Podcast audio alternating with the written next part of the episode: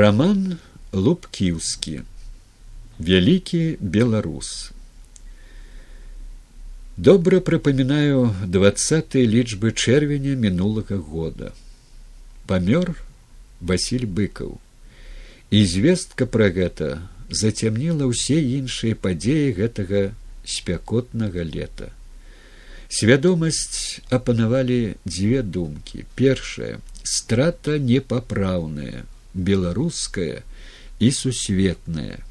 Такія людзі, як быкаў, гуманісты, дысідэнты, рыцары праўды адольваюць час і прастору з хуткасцю святла.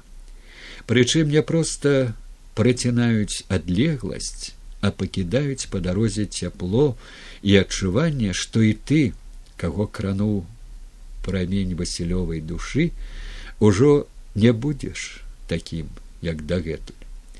А другая думка ужо не зможаш быццам слімак ракавінку моўчкі безгалоса валачы на сябе закасцянелую залежнасць ад рабскага быцця саўковай свядомасці лёкайскага мыслення грамадскі творчы подзвіг василя быкова по мойму мае універсальны характар, але і характар асабісты.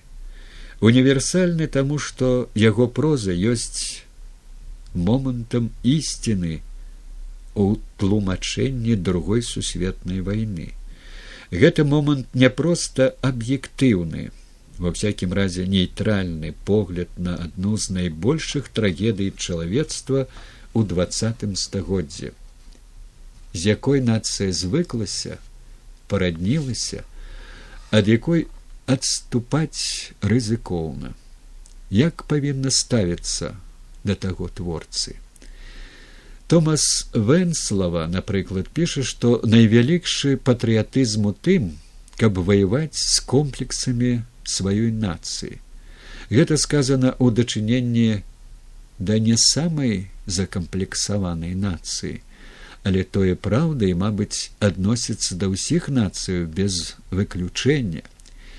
Вельмі шкада мне што некалькі сустрэч з васілём быкавым а яны былі кароткімі выпадковымі не зафіксаваў на паперы бо даверыўся памяці. Але яна дзякуй богу схаваўшы ў глыбінях неістотнай захавала найкаштоўнейшае. Вялікі беларус непрыкметны з выгляду быў да таго ж нешматслоўным.